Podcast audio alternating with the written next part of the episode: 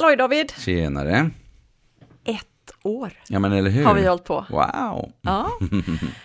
Jag tror att det här är avsnitt 23 Ja, som det. vi spelar in nu. Det är Mm. rätt coolt faktiskt. Ja det är det. Ja. Jag trodde nog inte det när vi började, att vi skulle ha så mycket att snacka om, att jag kunde sitta och prata i 23 timmar, men sen så upptäckte jag att du är en så himla stimulerande samtalspartner. Så jag hade massor av grejer att säga och det har du med. Ja, nej men det är Ja. jättekul. Nej jag vet, du var lite mer skeptisk där och tänkte ja det blir väl några stycken sen Ja. kanske. Ja, jag sa nej vi kan hålla på ett tag tänkte jag. Ja, Men eh, och det gör vi nu också och eh, det är jättekul och det är kul att det är så många som lyssnar också tycker Mm. jag. Jätteroligt. Ja. Vissa veckor är det ju faktiskt så att vi ligger högt upp på Ja, topplistorna över vi. mest lyssnade poddarna och det, är- det är jag lite stolt över. Det är väldigt Ja. kul när det gäller fa- familj och föräldraskap och allt Ja. möjligt. Mm. Och det är, vi ser att det är många som prenumererar på Ja podden. det gör vi faktiskt. Mm. Och om du som lyssnar inte prenumererar så vill vi tipsa om att klicka på knappen prenumerera i just din poddapp som du väljer att använda, för då får du en avisering varje gång vi har släppt ett nytt Precis. avsnitt. Och det vore väl fint att få Och det. det ser vi att det är ganska många som gör det. Ja. Därför att vi lägger ut vid viss tidpunkt och sen Mm, bommar det boom. till. Ja, Ja. det är kul. Mm. Och vad ska vi prata om idag David? Ja, precis. Vi har ju fått ett eh, litet mail här från en av våra lyssnare. Ja. Det var ju så kul. Det uppskattar vi när Ja. vi får mejl med förslag på eh, ämnen. Och idag så tänkte vi nästan att vi skulle läsa en del Ja, av det här mejlet. Och eh, prata lite kring det. Och prata kring det, precis. Det handlar om eh, inskolning som du nu just sa till mig David. Ja, det heter inte inskolning Nej, längre. Berätta. Ja, man, man, pratar, man, man kallar det för introduktion numera. Ja, Ja, mm. introduktion i förskolan. Mm. Men eh, brevskrivaren använder begreppet inskolning. Ja, precis. Och även att lämna barn på Mm. Just det, förskolan, inte bara då första perioden utan Nej. eh, över tid också. Och det är förstås ett barn som har det lite tufft med just den biten. Ja, och en förälder som Ja. ibland kan ha det lite tufft också. Och personal tänker jag också. Ja, gud, Mm. alla inblandade. Ja, det, det, är, det är ju svårt. Ja, det Ja, är det. det är starka känslor och vi vill väl. Mm. Du, jag gör så att jag läser Yes. eh, delar av det här mejlet sen kan vi väl försöka snacka om det. Det gör vi. Mm. Hej!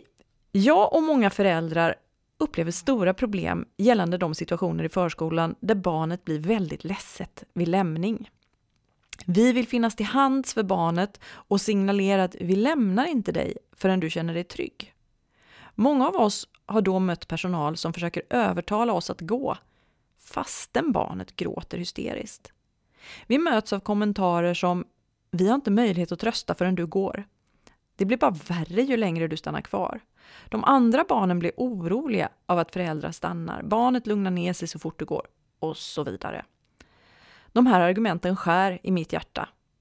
Det borde väl ligga i allas intresse med en så trygg överlämning som det bara går.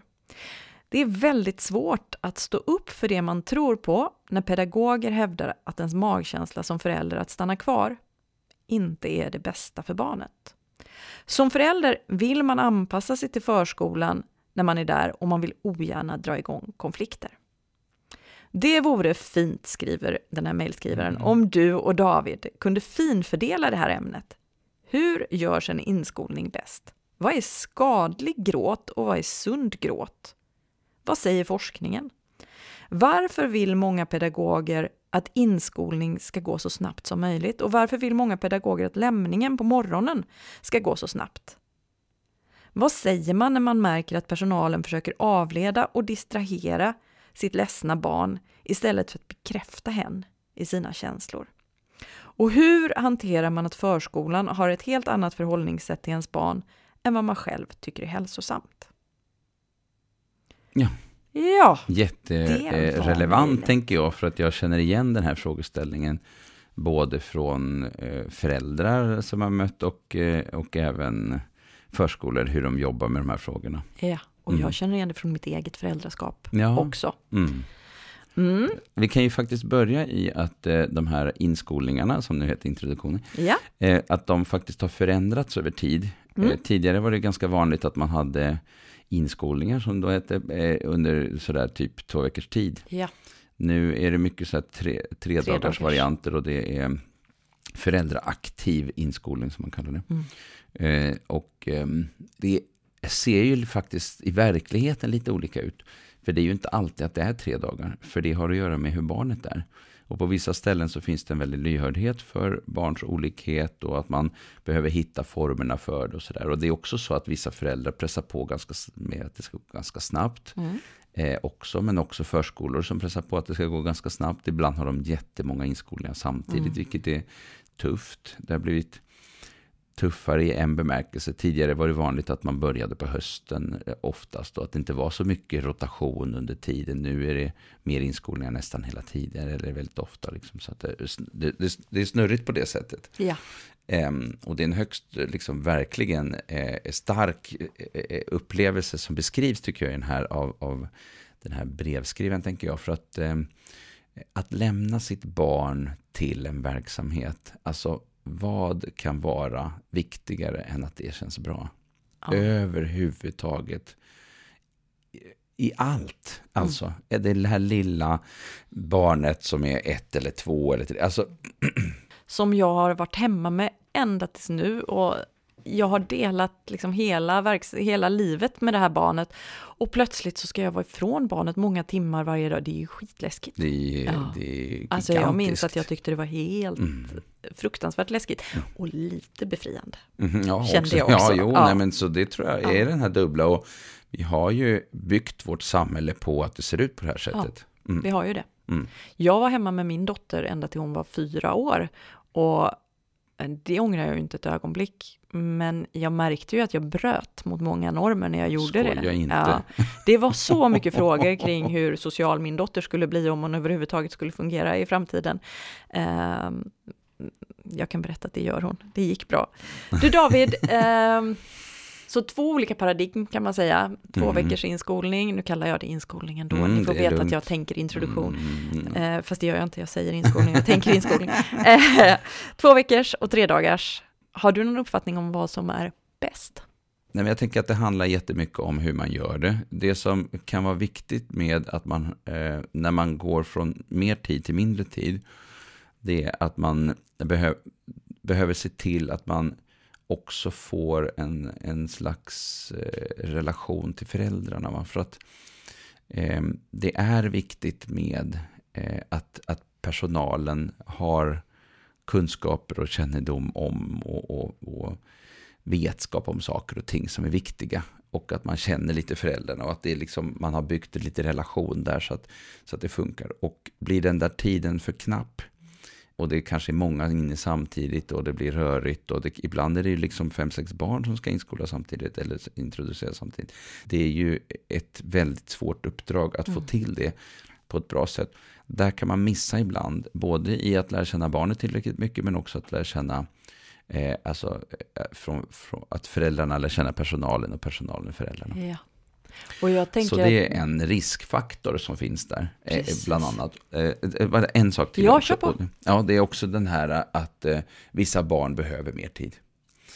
Och på, på många förskolor, jag har ingen statistik, jag har ingen aning, men, men kanske i regel så jag vet, så eh, är man lyhörd för behovet och eh, ser till att göra det på ett annat sätt. Eh, och en del föräldrar är jättefrustrerade över det och tycker att det är, är liksom, men vadå, nu får ni ta hand om barnet, jag ska jobba mm. liksom. Men här ser det väldigt olika ut. Det är ju verkligen inte det som den här brevskrivaren skriver, utan tvärtom så är det ju liksom att det här är ju väldigt, väldigt jobbig situation. Mm. Mm. Precis. Och jag tänker apropå det där med att hinna ha kontakt med föräldrarna. Mm. Eh, det är ju naturligtvis på, ett, på en direkt nivå för barnets skull, för att vi ska ja. kunna lära oss saker om barnet som personal som vi behöver veta. Eh, men det finns en mer sekundär effekt som blir viktig för barnet och det handlar ju om att föräldern måste känna tillit och förtroende för förskolan. För om föräldern inte gör det. Nej, det här är en jätteviktig fråga och den här tveksamheten när man har ett barn som, som är ledset. Mm då blir man osäker på om det är bra eller inte. Det, det kommer bara att vara så rakt upp och ner. Eh, och så så det, det, påverkar en och det, det känner barnet av. Ja. Alltså, man kan tro att, man inte, att barnet inte känner av det, men de känner ju av det också. Om, om man själv är, är osäker och orolig. Och, och så. så det finns ju med som en faktor också. Mm. Precis. Mm. Eh, om, om, du, om vi lämnar tre dagar eller två mm. veckor och ja. pratar om bara vilka ingredienser tänker du behövs för att det ska bli en bra inskolning? Ehm, jag tänker att ehm, eh, tryggheten är ju eh, helt essentiell. Eh, man ska gå ifrån den, den så att säga, förhoppningsvis då, trygga föräldern till en trygg verksamhet. och den rörelsen är inte helt given. och i vissa åldrar så är barn väldigt benägna att att inte släppa in andra så väldigt mycket. och ibland är det just då vi börjar inskola eller introducera barn i förskolan. Så att, eh, det här är ju liksom ett dilemma. Eh, en del barn de kutar in, börjar leka och tycker att det är jättekul och undrar vad, vad tusan gör föräldern här egentligen. Mm. Här har vi en förälder som gör precis tvärtom, så att säga. Eller en förälder, ett barn som gör tvärtom. Eh, eh, det är svårt att släppa föräldern, det är svårt att gå in i verksamheten, det är svårt att känna sig trygg kanske mm. då. Mm. Och göra det här eh, övergången. Och jag tänker att det finns några saker som är, är superväsentliga i det. Och det tryggheten handlar ju om att känna att det finns någon, alltså för, för, för barnets skull, att känna att det finns någon som kan så att säga ta över en del av det där eh, anknytningspersonen mm. eh, som, eh, som är så viktig för en eh, i den här verksamheten. Då. Men det är också så att eh, här beror det lite grann på, för barn fungerar väldigt olika. Jag kommer ihåg på psykologprogrammet, så, eller linjen som det hette när jag gick, eh, så fick vi se filmer på barn. Det fanns något som heter Brazelton-testet som var att man testade barns eh, sensoriska liksom, upplevelse, alltså hur, hur lätt man hade att reagera på stimuli. Mm. Eh, och då lät man barnet somna till ett visst läge då, så att man visste att barnet verkligen sov. Och sen störde man barnet lite grann genom att plinga en klocka, genom att ta en lampa mot ögonen, genom att röra vid barnet. Så det fanns lite olika saker eh, med ljud och ljus och, och beröring och andra saker som, som liksom eh, så såg man hur barnet reagerade. Och vissa barn reagerade oerhört starkt. Och andra barn gjorde det inte. Eh, och de här som inte gör det, de, de kan liksom somna mitt på en fest och det är full fart. Och liksom så. Men sen har vi de som måste ha det tyst och lugnt omkring sig. Och då tänker jag att det där ser vi också när vi har små barn och även eh, äldre barn också eh, och också vuxna eh, skiljer sig åt jättemycket när det gäller det där med sensoriken. Mm. Så, så, det är ju en, en viktig faktor. Och då tänker jag att vi har barn som är så att säga lite känsligare på den punkten när det gäller sensoriken. Eh, och det handlar ju bland annat om synintryck. Och det är mycket ljud, mycket människor, mycket rörelse. Barn springer, skriker fram och tillbaka, det händer saker. Det känns otryggt, det är liksom obegripligt. Vad håller folk på med egentligen? Det här fattar jag mig inte på. Liksom. Mm. Eh, och då gäller det, eh, för, för då är det det att man, in, man, man introducerar inte bara ett barn till en viss pedagog, utan man introducerar barn till en helt ställe liksom, med massa andra barn och det händer saker, det är leksaker och annat. Eh, och barn är jätteolika och det där måste vi ta hänsyn till. Och ibland tänker jag att man, när det gäller vissa barn i alla fall, inte alltid tänker på hur olika barn är när det gäller just den här biten. Så jag tänker att det är väldigt viktigt det här att man liksom tar hänsyn till de här individuella skillnaderna ja. hos barnen. Individfokus liksom. Mm. Ja. Uh, vilket ju är lite paradoxalt eftersom förskolan samtidigt är någon sorts liksom, stor, stordriftsmiljö där vi ska ja. försöka göra uh, hyggligt lika för alla.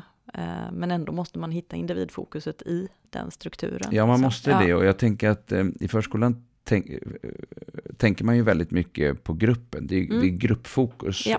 Och det har funnits ett väldigt starkt gruppfokus när man tittar på hur förskolan har liksom jobbat med med pedagogiken kan man väl säga och vardagen. Eh, på senare tid har man börjat ha mer fokus på det individuella och det är liksom en slags nödvändighet också tänker jag utifrån att vi måste få det att funka för individen och, och just det här som du sa att det är någon slags stordriftssystem. Mm. liksom, system. Um, uh, men det ska också funka för alla individer. Uh, och det är också för att vårt, hela vårt samhälle har, har, har mer av det här med, med rättighetsfokus och, och individen i fokus och, och, att vi faktiskt alla, var och en på sitt sätt, ska utvecklas utifrån där man är och på, på ett positivt sätt. Mm.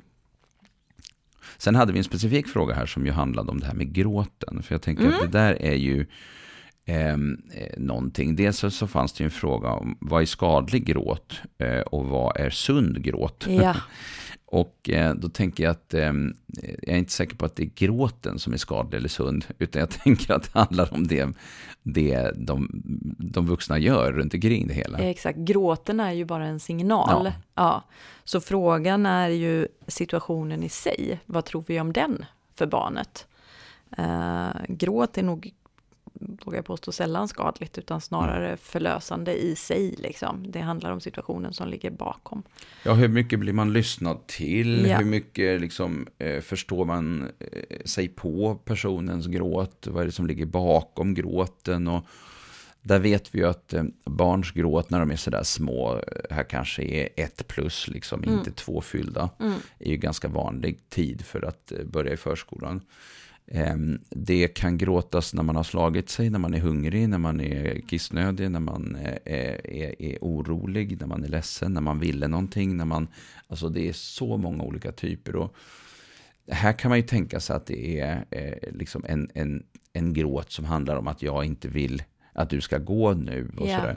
Men det finns ju också en, en väldigt stark sån här nästan panikgråt som en del barn kan ha, som är liksom starkare än bara nej, jag vill inte att du går. Alltså den typen Exakt. som är liksom lämna mig inte på det här stället, jag Exakt. hatar det här. liksom. Och där känner, tänker jag att där behöver man känna in som förälder, vad står gråten Alltså för? den är så svår va?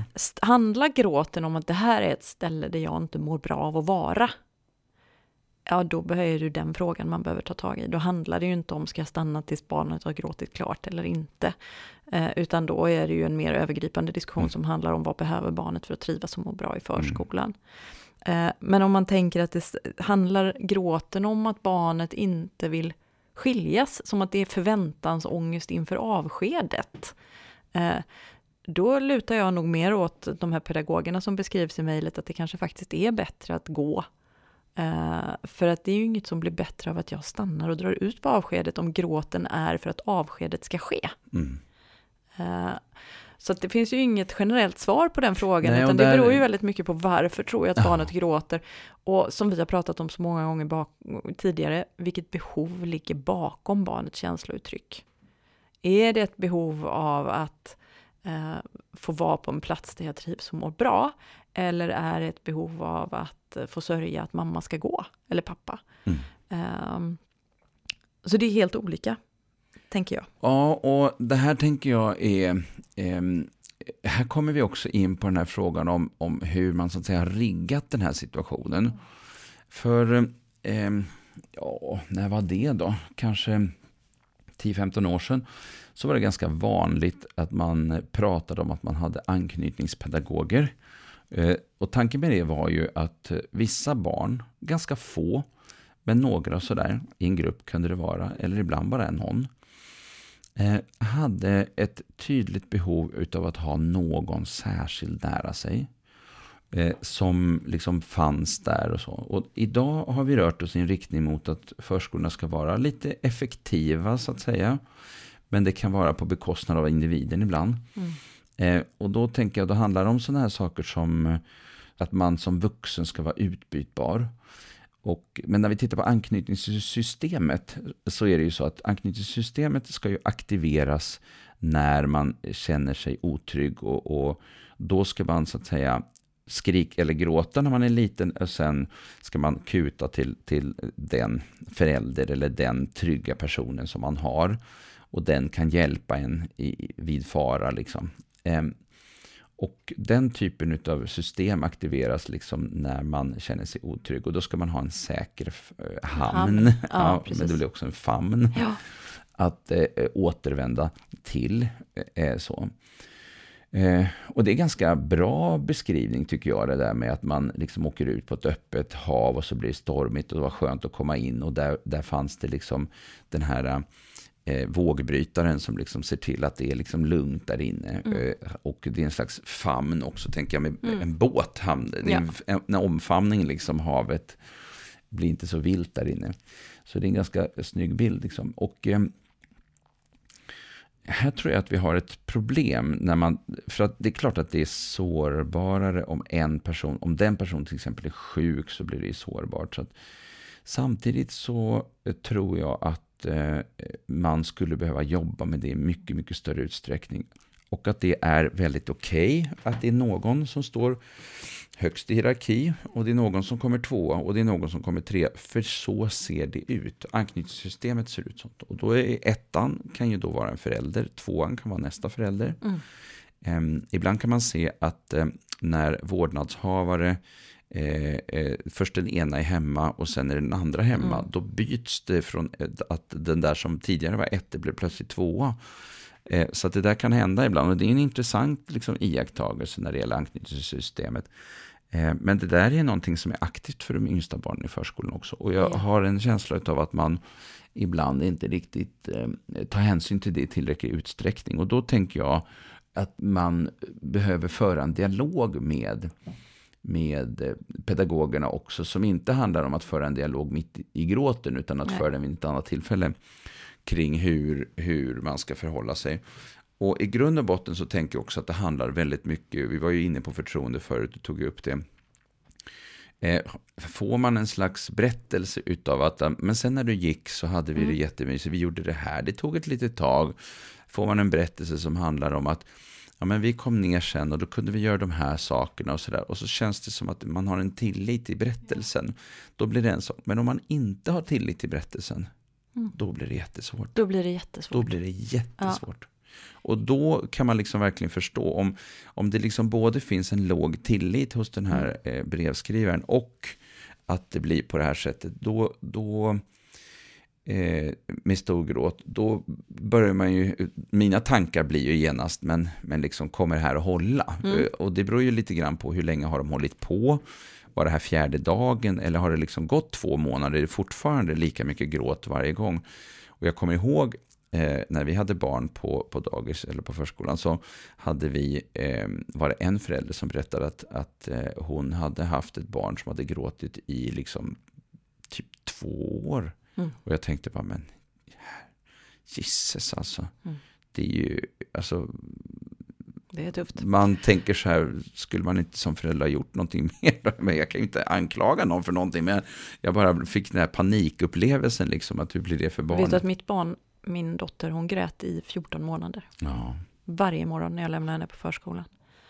Men jag hade tilliten. Till ja, att hon, tilliten, ja. Det fanns personer på förskolan som verkligen, verkligen brydde sig om henne. Och jag fick rapporten om att hon hade det bra sen. Nej, ja. Och det var ändå så vidrigt jobbigt. Mm. Då har du eh. verkligen varit med om det där. Jag vet precis. Men jag, jag, kan faktiskt berätta den historien, för den är ganska fin och ganska mm. lärorik, tänker jag. Det, det, var som sagt så att hon, hon var ju hemma med mig ända till ja. hon fyllde 14, fyra år. För ja, det är ju ja, länge. Det är länge. Eh, och sen de första veckorna på förskolan så gick det jättebra. Hon vinkade glatt hej då och sprang in till de andra barnen liksom på avdelningen. Och sen efter ett par veckor så kom det som brukar pratas om i förskolevärlden som bakslaget. Det vill säga hon var ledsen varje morgon i 14 månader. Utan ett enda undantag. Och varje morgon i 14 månader så stod de välmenande pedagogerna där på förskolan och de gjorde sitt absolut bästa för att muntra upp min flicka. Mm. Vilka fina flätor du har idag. Kom ska vi mm. se om Amanda kommit. Du tycker så mycket om att leka med henne.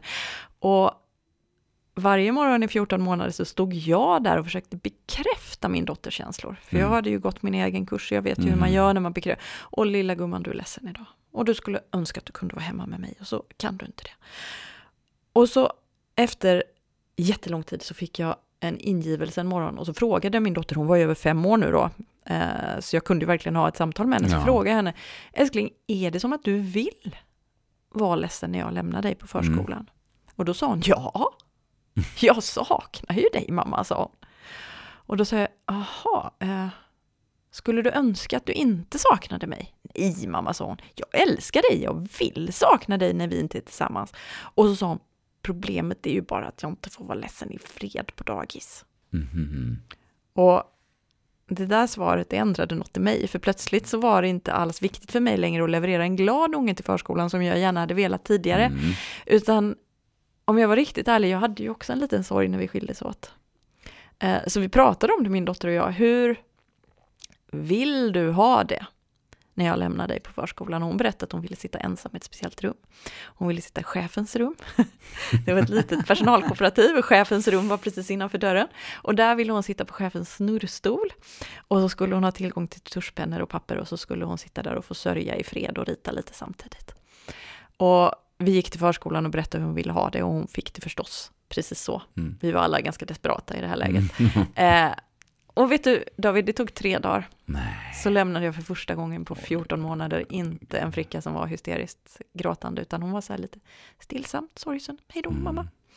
Och så tog det ytterligare ett par dagar och så vinkade hon glatt dig då och sprang in till de andra barnen på avdelningen. Oj. Och den dagen, jag kommer ihåg den så väl, i bilen hem, så sa min dotter till mig, mamma jag var inte ledsen när du lämnade mig idag. Mm. Nej, jag märkte det, sa jag. Och då sa hon, vet du vad jag har kommit på mamma? Jag har kommit på att jag kan sakna dig och vara glad samtidigt. oh, wow. Och jag tänker att när hon äntligen, liksom efter lite mer än ett år, mm. fick respekt mm.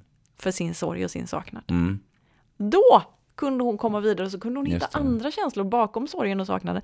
Men så länge vi, varken jag eller de där pedagogerna, lät henne ha sin känsla, då var det också jättesvårt för henne att bli klar med den och komma vidare. Nej, och där hittade ni, kan man ju säga då, en strategi för att hantera det. Det var ju hennes liksom förslag. Hon var ja. ju äldre då, ja. så att hon kunde bearbeta sina egna tankar på ett annat sätt än en ettåring. Men, men eh, det är en otroligt stark berättelse. Ja. Och jag tror att det finns något generellt i den som mm. handlar just om att vi vill så gärna få bort barnets känsla. Mm. Vi vill i all välmening att barnet ska vara glad ja, när vi skiljs åt. Och det är kanske inte ens rimligt att vi är glada mm. när vi skiljs åt, för vi älskar varandra. Mm. Utan det kanske är rimligare att vi ordnar så att barnet får lov att vara ledsen och sörja en stund. Att respektera barnets känsla. Och där tänker jag också att man kan hjälpa till genom att skapa rutiner kring avskedet, kring mm. sorgen. Mm. Liksom. Att vi alltid säger hej då på samma sätt, vet? vi ja. vinkar i samma fönster, man mm. kanske har en ramsa som man säger tillsammans. Och så säger man, jag kommer att sakna dig idag. Mm. Och jag längtar jättemycket till när vi ska träffas igen, istället för att säga, du kommer att ha det så bra här och vi kommer inte att sakna varandra. Och när jag kommer att hämta dig så kommer du inte ens att vilja gå hem. Liksom. Utan att faktiskt, det är okej. Okay mm. att sörja när vi skiljer, skiljs åt. Liksom. Mm, mm. Och sen kan det få bli bra. Just det. Mm. Och jag vet faktiskt att den här historien, jag har ju delat den i många olika sammanhang, mm. att den har varit hjälpsam mm. för många. Mm. För att vi tror att vi ska ta bort barnets känsla och i själva verket så kanske vi ska hjälpa barnet att känna sin känsla. Inte överdriva den, eh, utan bara låta den få finnas. Mm. Du är ledsen när mamma går. Mm. Eller när pappa går. Jag fattar det. Jag är också ledsen när jag måste lämna människor som jag älskar jättemycket.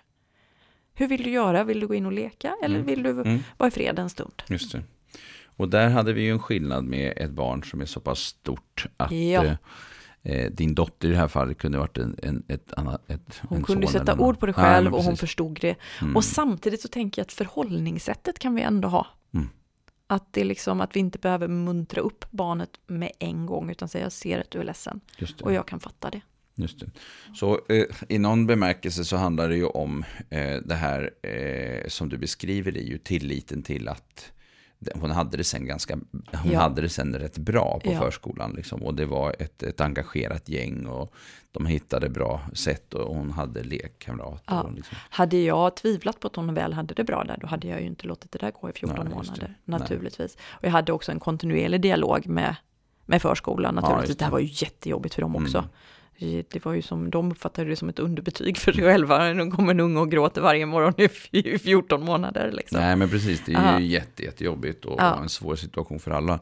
Precis. Eh, eh, den här föräldern som jag nämnde som hade haft ett barn på ett ställe i, i, och som gråtit i, I två år. I två, två, ja, eh, det var ju då min dotters ehm, förskola, andra förskola faktiskt. Hon var i tvåårsåldern då.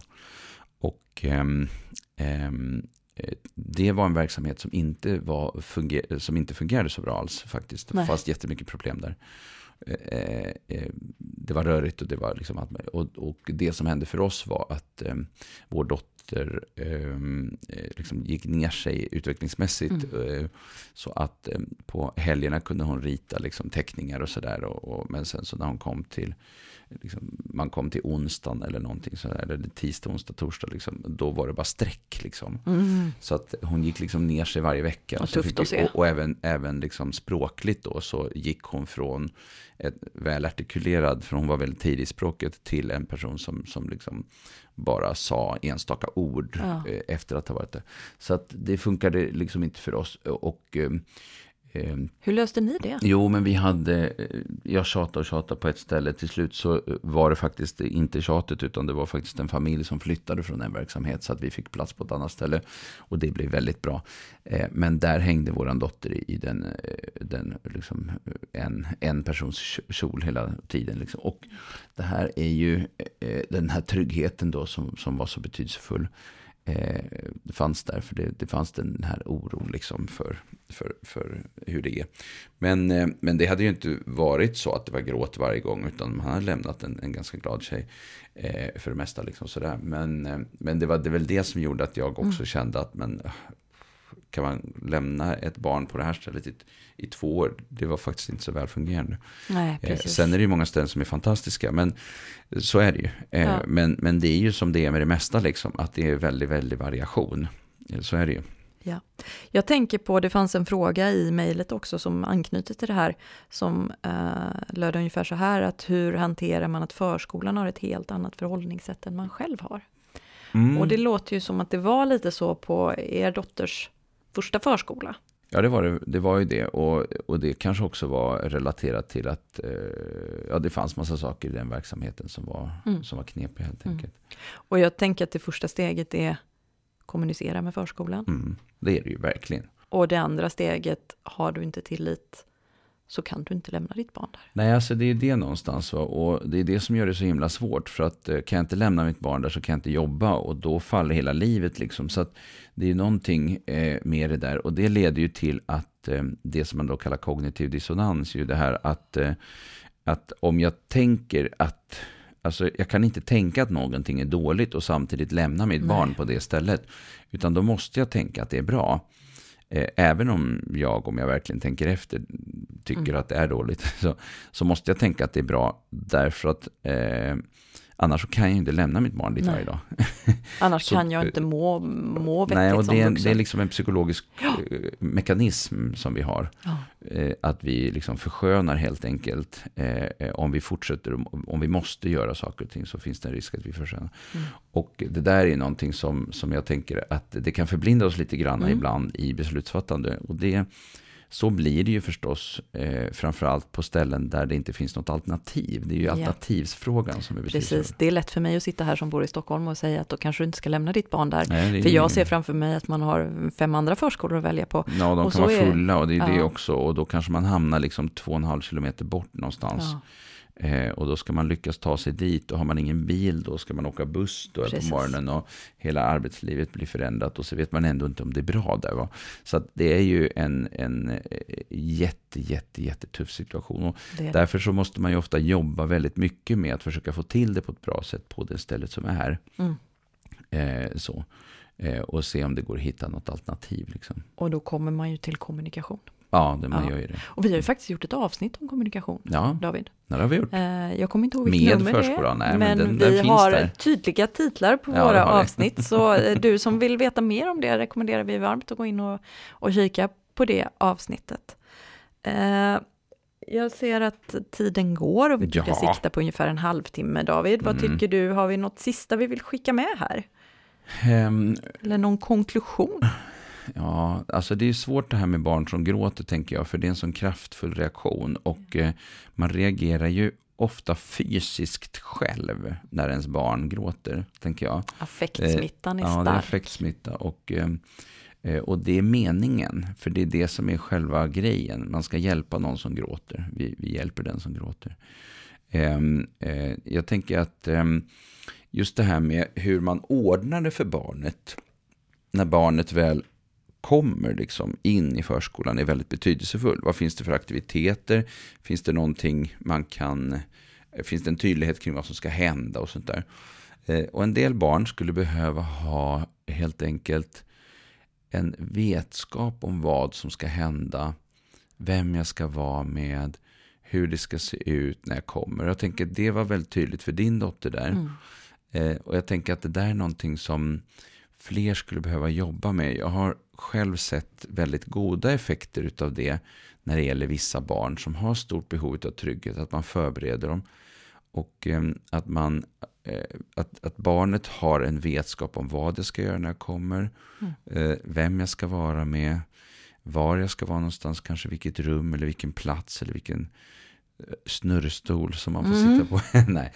Och, eh, och så. Att man liksom jobbar igenom det och att eh, man har gjort det tills, kanske ibland tillsammans med barnet eller att man har visat att man har använt bilder eller, eller visat upp leksaker eller eh, så. Att, eller, eller vad det handlar om. Och ehm, det är ju vanligt när, när man lämnar ett barn att, att, till en pedagog som, som liksom, att, barn, att man liksom sätter sig ner på golvet, att man liksom försöker möta och man pratar och, om, om det, eller sätter sig på huk, kanske gör en vuxen, men, men liksom det här att man tar emot liksom på samma nivå. Och, så.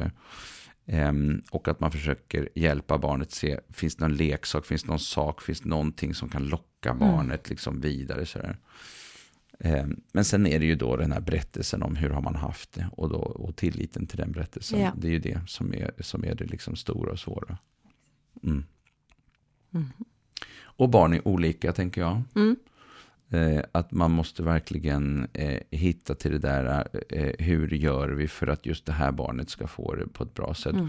Och kanske behöver man jobba lite mer tydligt med den här med trygghet, med anknytningspedagoger och annat. Och Ja. det där är ofta väldigt svårt om man till exempel har där kan man också behöva fundera som, som förälder vilken tidpunkt man kommer. Mm. För att eh, en del kommer ibland eh, när det är mycket lek som redan har påbörjats. Så en del kommer jätte, jättetidigt och då är det alltid annan personal än den ordinarie personalen. Så man kan hamna i situationer där man har ett barn som inte klarar av en del av de så att säga, vuxenkrav som vi har börjat ställa med att barn ska vara anpassningsbara, att de kan klara av att mötas av vem som helst och Mm. i vilka omständigheter som helst och så vidare. Att det kanske inte funkar och då får man hitta formerna för det. Mm. För det är klart att man kan ju inte kräva att en viss pedagog alltid finns på plats klockan sju på morgonen. Det kommer inte att gå. Eh, och då, då behöver man hitta en, ett samarbete mellan förskolan och hemmet när det Mm. gäller att hitta lösningar. Och det handlar inte om att det är enbart i förskolan eller enbart hemmet, utan det handlar ofta om att se vad är viktigt här för att det ska Ja. funka. Och då kommer vi ner till kommunikation. Ja, Igen, prata med varandra. Prata med varandra. Liksom. Och stå inte där i hallen och anta att pedagogerna har förväntningar eller fundera över hur du kan leva upp till deras krav eller eh, fundera över att de borde förstå dina krav. Utan sätt ord på det. Yes. Ja. Och jag vet att i, jag är nästan säker på att i avsnittet om kommunikation så sa jag just tidigare och tydligare. Mm. Eh, och det gäller även här. Så Mm. fort det börjar kännas lite skavigt, sätt ord på det. Mm. Eh, för det är mycket lättare att göra det på ett respektfullt sätt när du fortfarande inte har blivit väldigt frustrerad. Eh, och så länge du har en respektfull dialog med förskolan så har du ganska goda förutsättningar för att det ska bli bra, tänker jag. Mm. Mm. Där tycker jag vi rundar av. Det tycker jag med. Mm. Tack för idag David. Tackar, tackar. Hej, hej.